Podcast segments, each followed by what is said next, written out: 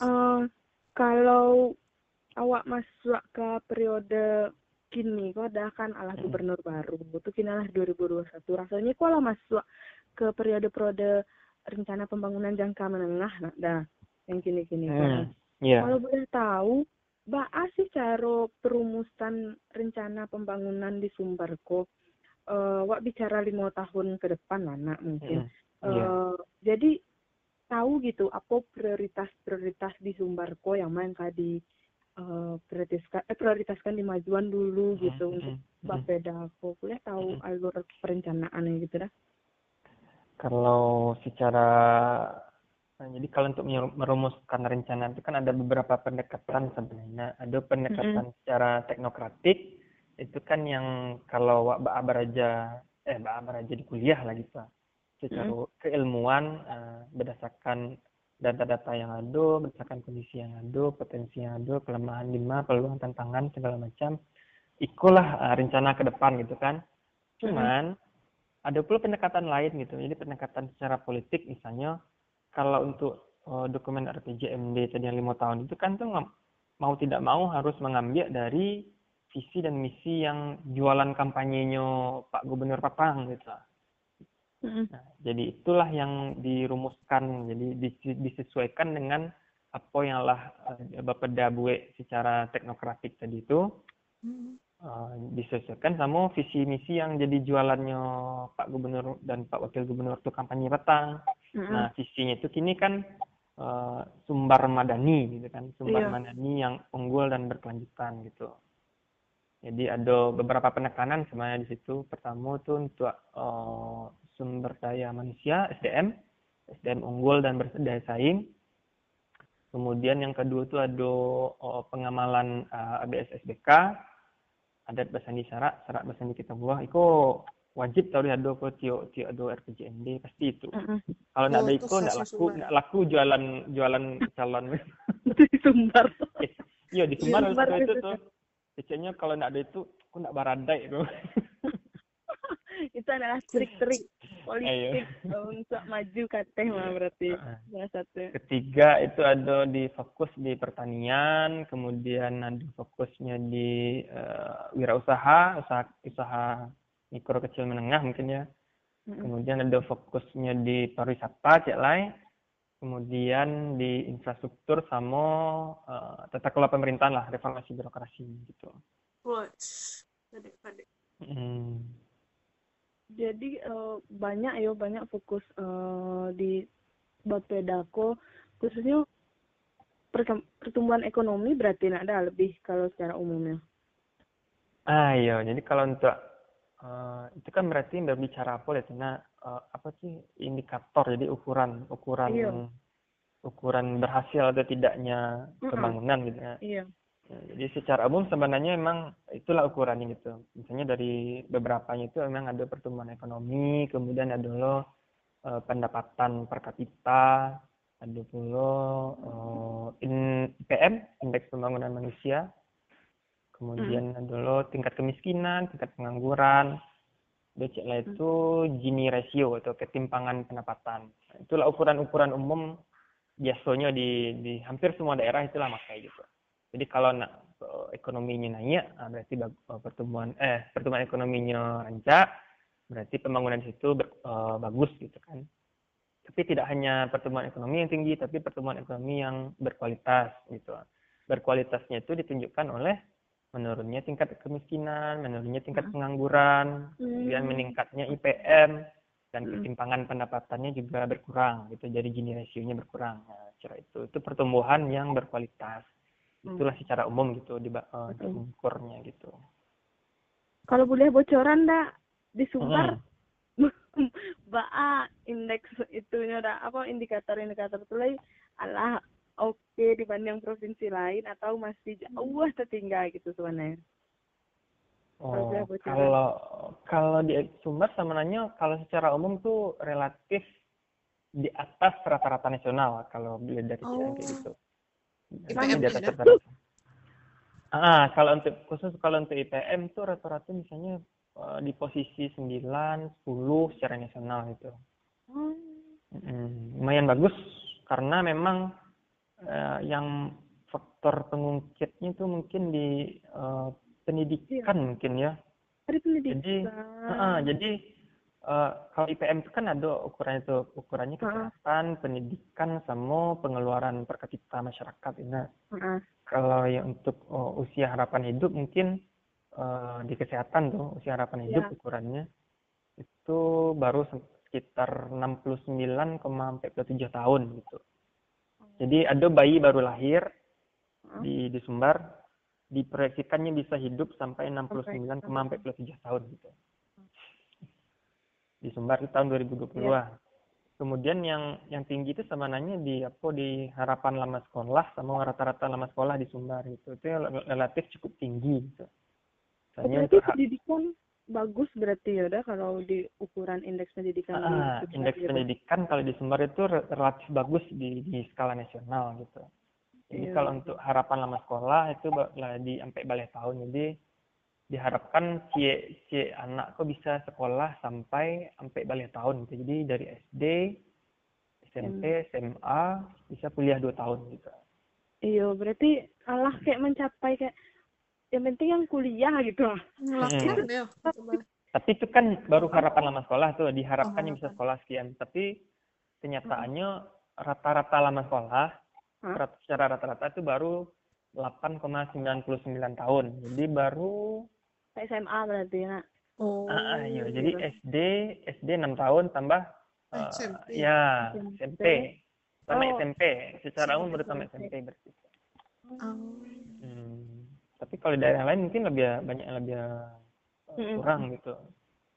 Hmm, Hmm, berarti yang mendongkrak pendidikan ya di Sumbar kok. Iya, pendidikan kalau di Sumbar. Tapi kalau yang faktor ekonominya itu pengeluaran itu uh, ya agak kurang tuh. Agak kurang karena sabar banyak orang orang Sumbar kok bisa mengeluarkan uang uh, setiap hari atau setiap dalam ukuran setahun begitu. Kalau kini tuh angkanya baru sekitar 10 juta, 10,7 juta per orang per tahun mengalami fitih. Oh. Jauh. Oh, jadi sebulan sebulan si orang tuh kurang kurang sejuta kurang sejuta. belanjonya itu. Jadi belanjo makanan, belanjo Hemat. non makanan, beli pulsa, ikut terus macam. Se- Secara rata-rata kalau di Sumbar kita Iya iya. nggak sampai sejuta. ada gitu. Iku ime Imai, orang mana? Iya, iya. Si Mai, Cie tuh awak punya ladang di belakang rumah Cie Mai. Jadi Ah, iya, iya.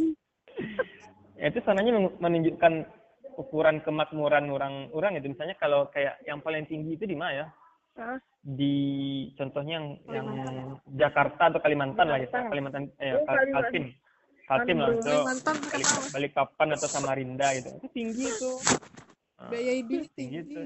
Ah ya, karena pendapatannya tinggi, jadi pengeluarannya tinggi dulu gitu kan. Oh. Iya, iya. Hmm, jadi ukurannya itu gitu untuk ekonomi. makin makin banyaknya belanja nanti makin makin makmur sebenarnya gitu. Nah Mhm. kalau di Sumbar nah, itu yang relatif agak agak kurang gitu karena emang aneh menurut ya sumber-sumber eh, pertumbuhan ekonomi di Sumbar itu agak terbatas gitu. Kalau yang daerah-daerah yang tinggi-tinggi itu pasti ada industri gitu kan. Iya. minyak, ada tambang gitu kan. Yang Ah, yang yang gadang-gadang kayak gitu. Nah, itu makanya gadang di situ. Kalau di Jawa kan memang banyak pabrik-pabrik tuh di Kerawang, di Cikampek, atau sepanjang Pantura gitu kan banyak industri situ tuh. Hmm. Jadi itu memang tinggi pula di situ. Nah, kalau di Sumbar itu mayoritas itu malah sekitar 20-an persen itu paling tinggi itu di pertanian. Nah, karena pertanian itu kan nilai tambahnya tidak terlalu besar gitu. Sehingga eh, pengeluaran dan pendapatan masyarakat di Sumbar juga relatif tidak terlalu tinggi dibandingkan daerah lain. Hmm, iyalah berarti Sawit kini kayaknya udah mulai itu ya dah di Sumbar. Di Sawit lumayan, lumayan CPO nah. Nah, jadi adalah di Sumbar, di Pasaman Barat, di mana itu ya, pesisir selatan, di Agam, Padang Priaman banyak gitu sawit. hmm, Cuman ya Hmm. itu nggak bisa so so ekstrim kayak itu ekstrim kayak di Riau. Di Riau itu kan banyak tuh hmm, Dulu ya lo. lahan. Iya, lahan di Sumbar itu kan terbatas. Jadi ada yang hutan lindung kan, hutan lindung itu nggak bisa di di di, di ditanam sawit gitu dah. Itu harus dijaga tuh. Dulu ya elo buruaknya dulu dari pohon sawit kena. Dan eloknya ada burak itu ada banyak ju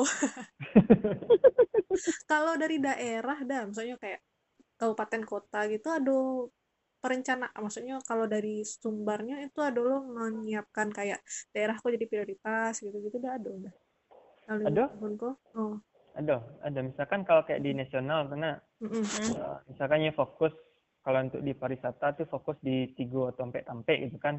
Di Borobudur di Mm-mm. Toba Mandalika eh Mandalika sih ya sama di Sulawesi Utara apa namanya ada lah situ nah misalnya fokus di situnya gitu. Iya. Memang eh, supaya bisa wisatawan mancanegara aku balik ke meningkat ke Indonesia itu kan fokus-fokus lah di situ gitu.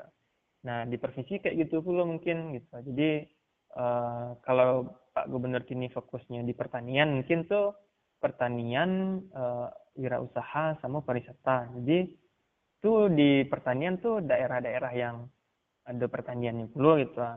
Jadi pertanian secara umum misalkan daerah kayak ah, namanya di Mentawai gitu tuh mungkin pertanian nanam padi situ doh gitu orang situ Hmm. Nggak Hmm. bara yang mungkin fokusnya di lahan pertanian lain kayaknya di Mm. pertanian secara umum ya secara Iya. luas di perikanan Iya. misalnya oh di Mentawai fokusnya perikanan itu di daerah lain misalnya di daerah yang tinggi gitu kan kayak di mana ya di Solo di Alan Panjang tuh nggak mungkin nanam sawah gitu doh itu perkebunan gitu misalnya gitu oh. Sananya lado tuh perencanaannya daerah itu komoditas pertanian unggulannya iko gitu. Misalnya kayak di di 50 kota itu kan terkenal sama gambirnya tuh. Iya iya Hmm, kalau tinta-tinta pemilu itu kan dari dari itu tuh, dari gambir tuh hasil olahan itu. Hmm, Gambir, iya, baru Sumatera Barat tuh perusahaan gambir terbesar di Indonesia kalau nggak salah. tuh. Wow. oh malah di Sumbar ya Iya, stasiunnya ada di. Jakarta. Lah. Gambiran dong, itu gambiran ada di Padang lah. oh iya. Oh itu arti pegambiran pak. Iya kayak itu. Adik kakak sama gambir Jakarta. oh baru tahu. Hmm, itu mungkin apa aja lah nak tahu, kayak kayu manis. Kan kayaknya Sumatera Barat tuh pro, eh, terbesar loh di termasuk terbesar di Indonesia selain kerinci gitu nah jadi banyak lah pok- pertanian-pertanian kok memang tumbuh pesat lah di Sumatera Barat lah. Hmm, dan memang dari segi historis tuh emang eh, perkebunan itulah yang jadi jualannya Sumbar tuh gitu. Dan em, kita sampai puluh persen lebih lah masyarakat Sumbar tuh emang berusahanya di pertanian secara luas tadi itu dari sawah, perkebunan, perikanan gitu. Di situ banyak kan gitu. Hmm.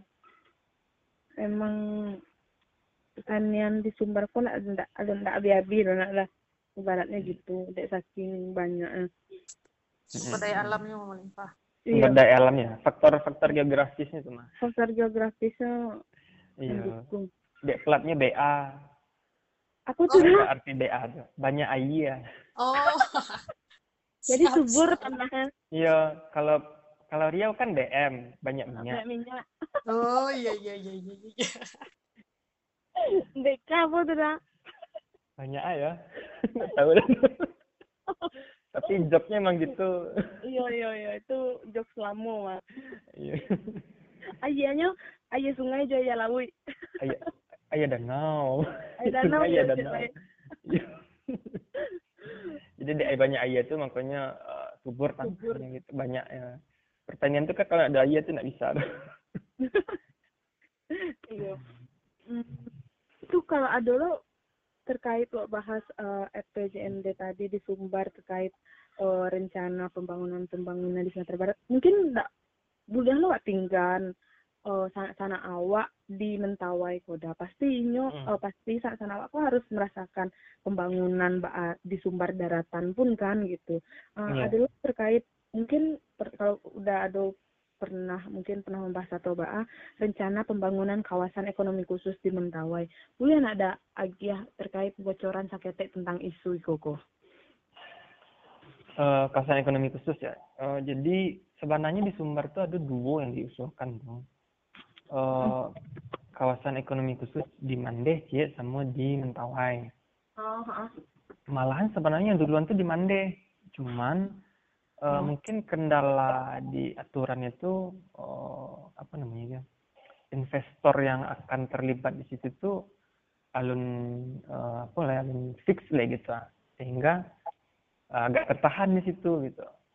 Sebenarnya kalau lebih prospek hanya prospek di di Mande gitu. Cuman kemudian muncul mentawai. Nah, mentawai hmm. malah uh, pas sama investornya langsung gitu lah jaleh lebih lebih capek lari ini lah gitu. Sehingga kini statusnya itu mentawai itulah lebih maju proses uh, supaya bisa jadi cake tuh daripada uh, di Mandeh gitu. Itulah Kayak sampai ke pariwisata berarti ada ya? Ah iya. Cake Hmm. pariwisata. Eh, iya iya. Cake itu kan adalah macam-macam tuh. Mm-mm. ada cake yang kawasan industri yang ke industri ada yang ke pariwisata ada macam-macam lah gitu kan. Kalau mentawai itu yang khusus pariwisata gitu. Jadi eh, penyediaan lahan bara, ribu hektar gitu puluh jangan di Mentawai itu lado perencanaannya site plan-nya lado segala macam gitu kan Mm. tinggal nanti eh, keputusan namanya di mana ya Dewan Kek Nasional Nah, Mm. sampai di situ kalau nggak salah prosesnya lah sampai di situ kini tergantung nanti keputusan di Dewan Kek Nasional apakah di, disetujui atau tidak gitu. Jadi emang jualannya Mentawai itu yaitu gitu. Karena Pariwisata ya. ah iya pariwisata. Kalau kecil Pak Menteri Pariwisata beberapa tahun kok emang pariwisata itu lah yang bisa meng apa namanya itu ya menggerakkan sektor ekonomi lain gitu. Misalnya de- ada orang berwisata muncullah industri apa namanya kok oleh-oleh oleh-oleh. Kerajinan itu kan ada tuh. gitu ya. Kerajinan tangan ada lo yang dari baju ada lo dari Hmm. makanannya ada lo penginapannya kan banyak tuh. Iya iya. Ketika bergerak di pariwisata tuh banyak eh, masyarakat yang akan bisa menikmatinya gitu. Sehingga daerah-daerahku banyak sini memang fokusnya ke wisata lah gitu. Termasuk di Mentawai. Cuman Mentawai kok agak bala ya. Mungkin kalau pernah dengar tapi nggak tahu lah ya pernah dengar tidak. Eh itulah jadi fenomenal lah kini di khususnya di Indonesia gitu ya. Kayak di Bali gitu. Bali itu kan terkenal tuh wisatanya kan. Mm. tapi daerah itu tidak daerah Bali masyarakat Bali itu tidak menikmati eh, efek dari wisata itu lah gitu. Jadi eh, kasusnya gitu. Jadi ada wisatawan dari negara negara lain gitu kan datang ke Bali. Tapi ini pakai eh, biro perjalanan dari negaranya sendiri gitu oh Nah, dari negaranya sendiri kemudian pas tiba di Bali inilah di diatur oleh eh, perwakilannya lah gitu orang-orang dari itu lah gitu dari bir- bironya itu nah, dijampitnya di eh, dijampitnya di bandara tuh lah lah tahu lah nyo rutenya kama gitu kan. Hmm. rute rute rutenya wisata di Bali gitu kan. Dan eh, pembayarannya pun itu nggak pakai rupiah lah tuh gitu. Hmm. tahu nggak? Pakai pakai pakai handphone aja nya gitu Mm, mm, mm. oh pernah Berarti dengar nggak kalau, hmm, kalau yang Sidangga itu mungkin di daerah Bintan kali yo. Dah, yang Bintan gitu. ya ah di Bali lah dulu Di tuh daerah itu. Bintan gitu. heeh. Jadi eh, emang nggak menikmati eh, masyarakat Bali, Bali itu gitu. Kalau kasus-kasus yang kayak gitu gitu kan. Hmm. Nah jadi misalnya ada oh, yang pengen prewedding di di di Bali gitu kan. Akhirnya pai pai foto saja nya ke Bali itu kan bila diatur segala macam itu orang-orangnya dari negara mas dari negara itu lah gitu kan. Iya. Pai fotonya di situ kan. Kemudian lah selesai baliknya ke negaranya lihat gitu. Tapi Hmm. tidak ada tinggal titihnya itu di Bali itu gitu. Tapi ini ma- mambiak mambiak apa namanya itu eh, ke keindahan Bali itu diambilnya kan jadi foto, video di Hmm. preweddingnya kan. Tapi tidak ada untungnya di orang Balinya deh gitu. Jadi dapat mungkin dapat sampah sih mungkin kan. Ya ma- makan-makan tinggalnya sampah situ gitu kan. Iya. Itu kasus itu ada pula di Mentawai muncul gitu. Oh. Mm, kasus kayak itu ada pula. karena Jadi memang orang ketua- kan in- internasional kasih kan maksudnya Iya, wisatawan internasional kayak gitu, wisatawan mancanegara kayak gitu. Jadi ada pengakuan salah satu ketua Asitanya Sumbar, ini peng- eh, asosiasi tour and travel gitu kan, eh, Sumatera Barat ketuanya pernah membawa menemukan kasus seperti itu gitu.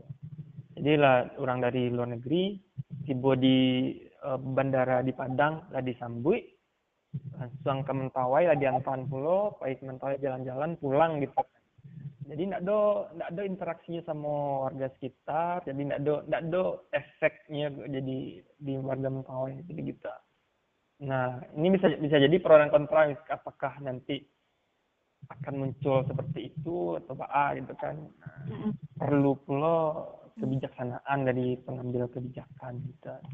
Dan warga negara lain kan menikmati cuman awan ada dapet nggak dapet apanya tuh gitu kan. Nggak dapet gatah deh nggak dapet jatah deh gitu. Padahal harapannya itu bisa mendongkrak uh, mendongkrak gitu. Ekonomi awak gitu. Uh, mendongkrak. tapi kalau kalau prosesnya kayak gitu kan itu nggak ada dampak ada awak ada gitu. Ya. percuma. So jumlah wisatawan meningkat cuman uh, nginap nginap di Podo gitu kan. Tidak ada nginap di hotel di situ do tapi cuma tidak lo makan di situ do lebih disediakan sadonyo gitu kan. Tidak lo pakai ayo tidak lo pakai tour guide yang dari lokal do gitu. Sana kan harus pakai tour guide lokal gitu atau pakai iko gitu. Tapi tidak lo do itu nyata gitu. Jangan sampai kasus itu jadi merebak ya, yang ditakutkan kan itu gitu. Itu isu ter apa isu di wisata gitulah gini Hmm. Berarti oh, apa namanya rencana pembangunan kawasan ekonomi khusus di Mentawai berarti adalah dalam tahap uh, ibaratnya masih di setengah jalan sama Bapeda sama pemerintah daerah atau oh, mungkin sakit lagi kok bisa gol gitu lah. Iya, atau masih panjang sakit, sakit berarti?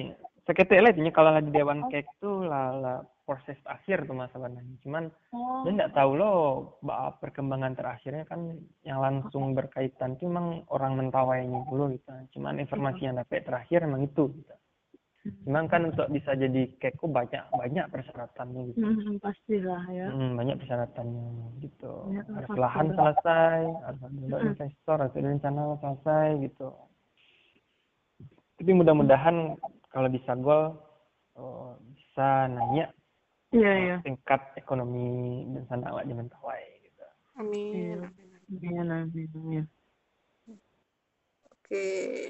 Oke dah aku terakhir dah terakhir tentang pembangunan di Sumbar kok ya kalau hmm. pembangunan kok kan identiknya sama infrastruktur gitu kan membangun nagari kok yang butuh lahan lah untuk membangun infrastruktur tuh gitu ya tuh eh, kami kok sempat kepo dah kepo udah kan basobok lah hmm.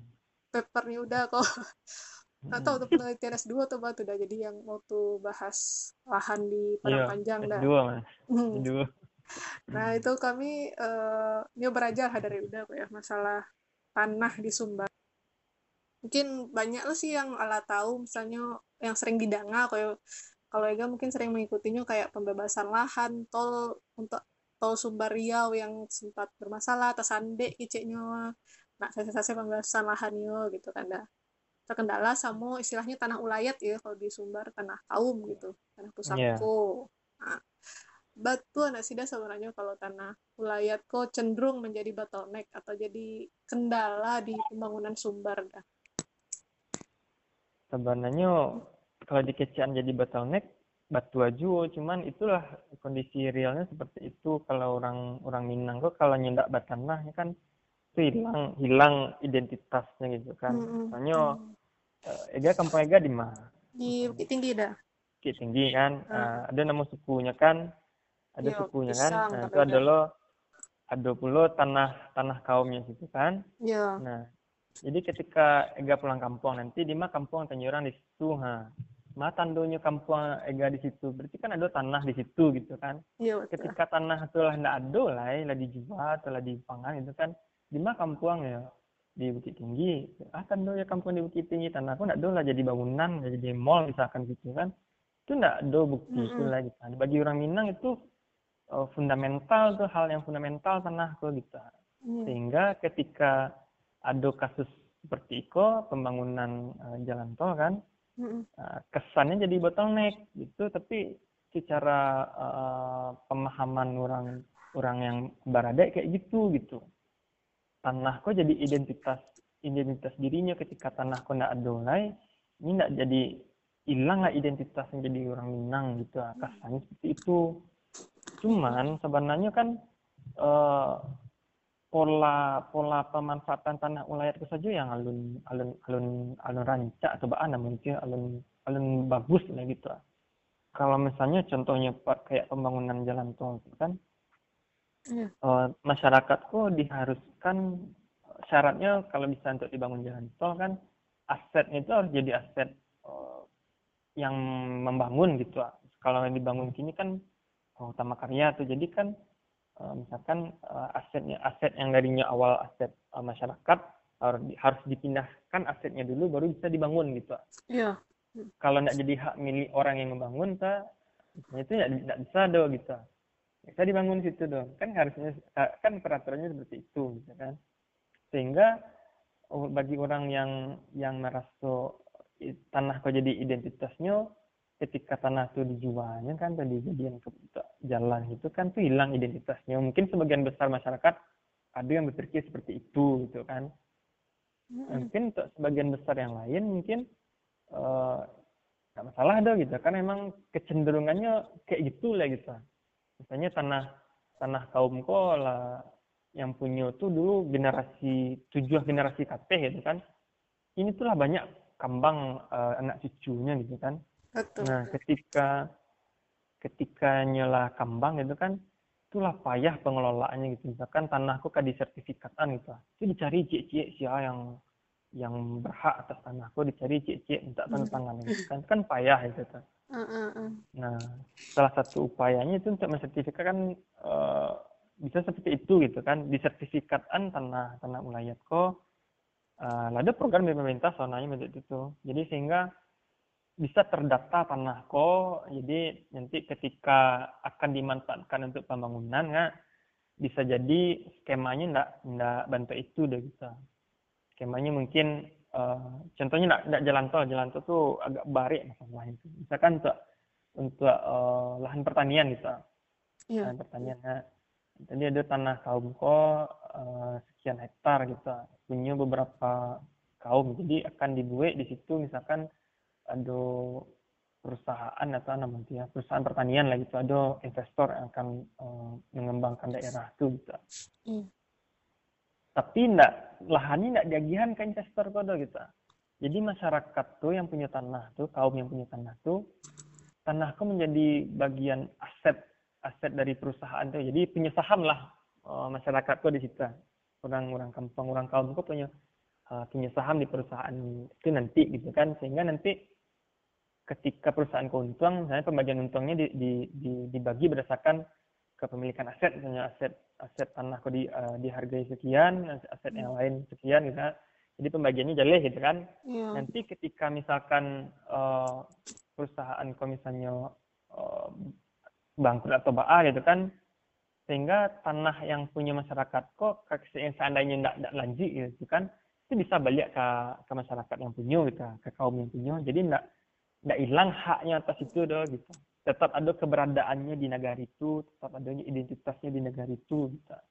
Skemanya mungkin hmm. bisa seperti itu rancaknya gitu. Jadi tetap hmm, tidak menghilangkan hak hak milik atas tanah tuh jadi bagi masyarakat kita sehingga ke identitasnya nggak hilang loh gitu. Kalau yang jalan tol itu kan memang harus model itu tuh aleh diserahkan hak milik gitu aturannya mantu itu nada eh, aturannya mantu itu gitu. Kalau kayak contohnya pertanian tadi anca jadinya tanah produktif ya dia kan? Ah ya produktif kan, tanah misalnya tanah tanah kaum kalau de nggak jalih pengelolaannya kan de elabara generasi tadi gitu kan? Ya tentu sih yang mengelola. Kalau mengelola pun payah dulu gitu kan? Sehingga dimanfaatkan gitu lahan-lahan yang tidak terpakai lahan-lahan tidur gitu kan? Itu kan bisa produktif jadinya gitu. Bisa ngambil itu skemanya. Salah satu contohnya gitu gitu tapi itulah ya lahan lahan tanah di Sumatera Barat itu memang kayak gitu. Cenderungnya emang itu tanah yang lado tuh eh, dibagi gitu. Dibagi maksudnya uh, si A paralu untuk untuk bangun rumah atau untuk paralu untuk barale atau paralu untuk apa gitu kan. Ya kebutuhan untuk itu terpaksa lah di digadai tanah digadai sawahku digadai ku gitu dan itu cenderung terjadi di kota kalau nanya kalau di kampung-kampung enggak enggak gitu mana tapi kalau kayak kayak kampung Ega di Bukit tuh aku itu di pinggiran Bukit Tinggi itu lah, lah sangat masif perubahan guna lahan. Weh, dulu rasanya apa ya di jalan ke rumah tuh sawah gitu. Nah, Kini nak ah ada ya rumah, kan? rumah. ada sawah kan ada rumah ada kan Lah tuh lah banyak pendatang gitu lah dah. Di, pendatang iya loh. Ah, jadi lata jual lah tanah tuh intinya gitu. ah ya lata jual lata jual tanah lata negariku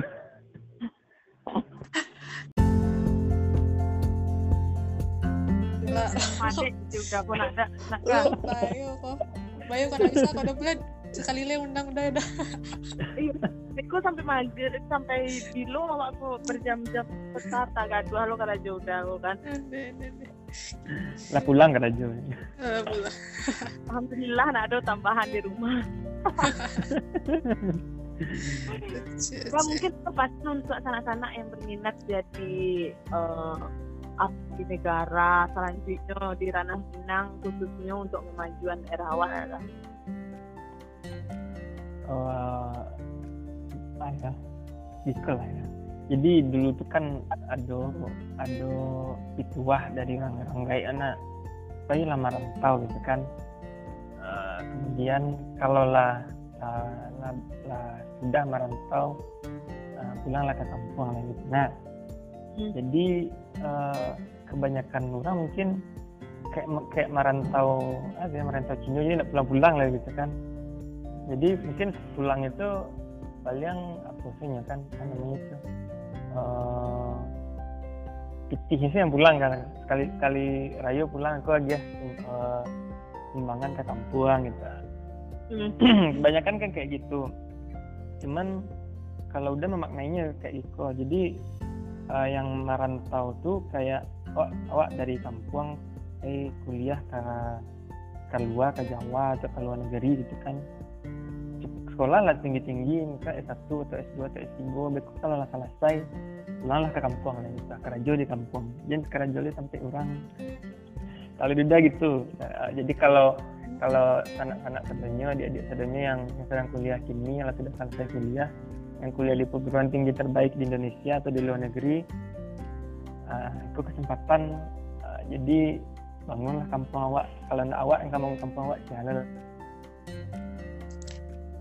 Hai. abdi lah. Diaspora diaspora kan banyak yang di luar negeri itu.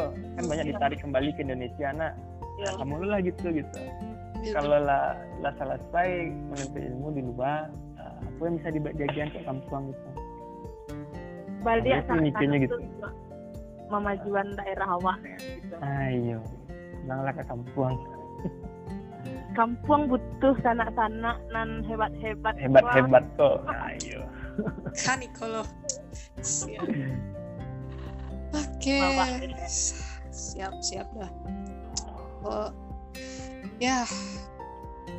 Kok episode terakhir SN Mudo sama muda aku nak weh iya. Sedih ha ya tapi mudah-mudahan ada kesempatan lain untuk cerita-cerita sama uh, atau sama ASN ASN lainnya di topik yang lain, topik yang berbeda, edisi yang berbeda gitu ya. Karena emang kalau mengi motan nagari awak surang, ba memajukan nagari awak koyo nak kena biar biar tahu ada kan. Tuh ya mudah-mudahan awak tahu dapat saling bertukar eh, inspirasi, saling bertukar semangat untuk dari rantau maupun dari nagari awak bisa memajuan sumber lah mudah-mudahan. Mm. Oke, makasih banyak udah Hamdi atas sharing-sharing. Makasih ya. Masih banyak sama-sama ya Vicky. Alhamdulillah bisa berbagi sama anak-anak yang lain. Iyo, dapet ilmu kami, udah pengen sabar aja. Masih Iya. update tuh lah sama pembangunan di sekolah. Oke, Semangat semangat sama udah. perkembangan negari. Makasih ya dah. Iyo, semangat Iya, udah lembur-lemburnya untuk PCMB. Oke, makasih banyak sana alam pandangan. Assalamualaikum warahmatullahi wabarakatuh. Salam. Waalaikumsalam warahmatullahi wabarakatuh.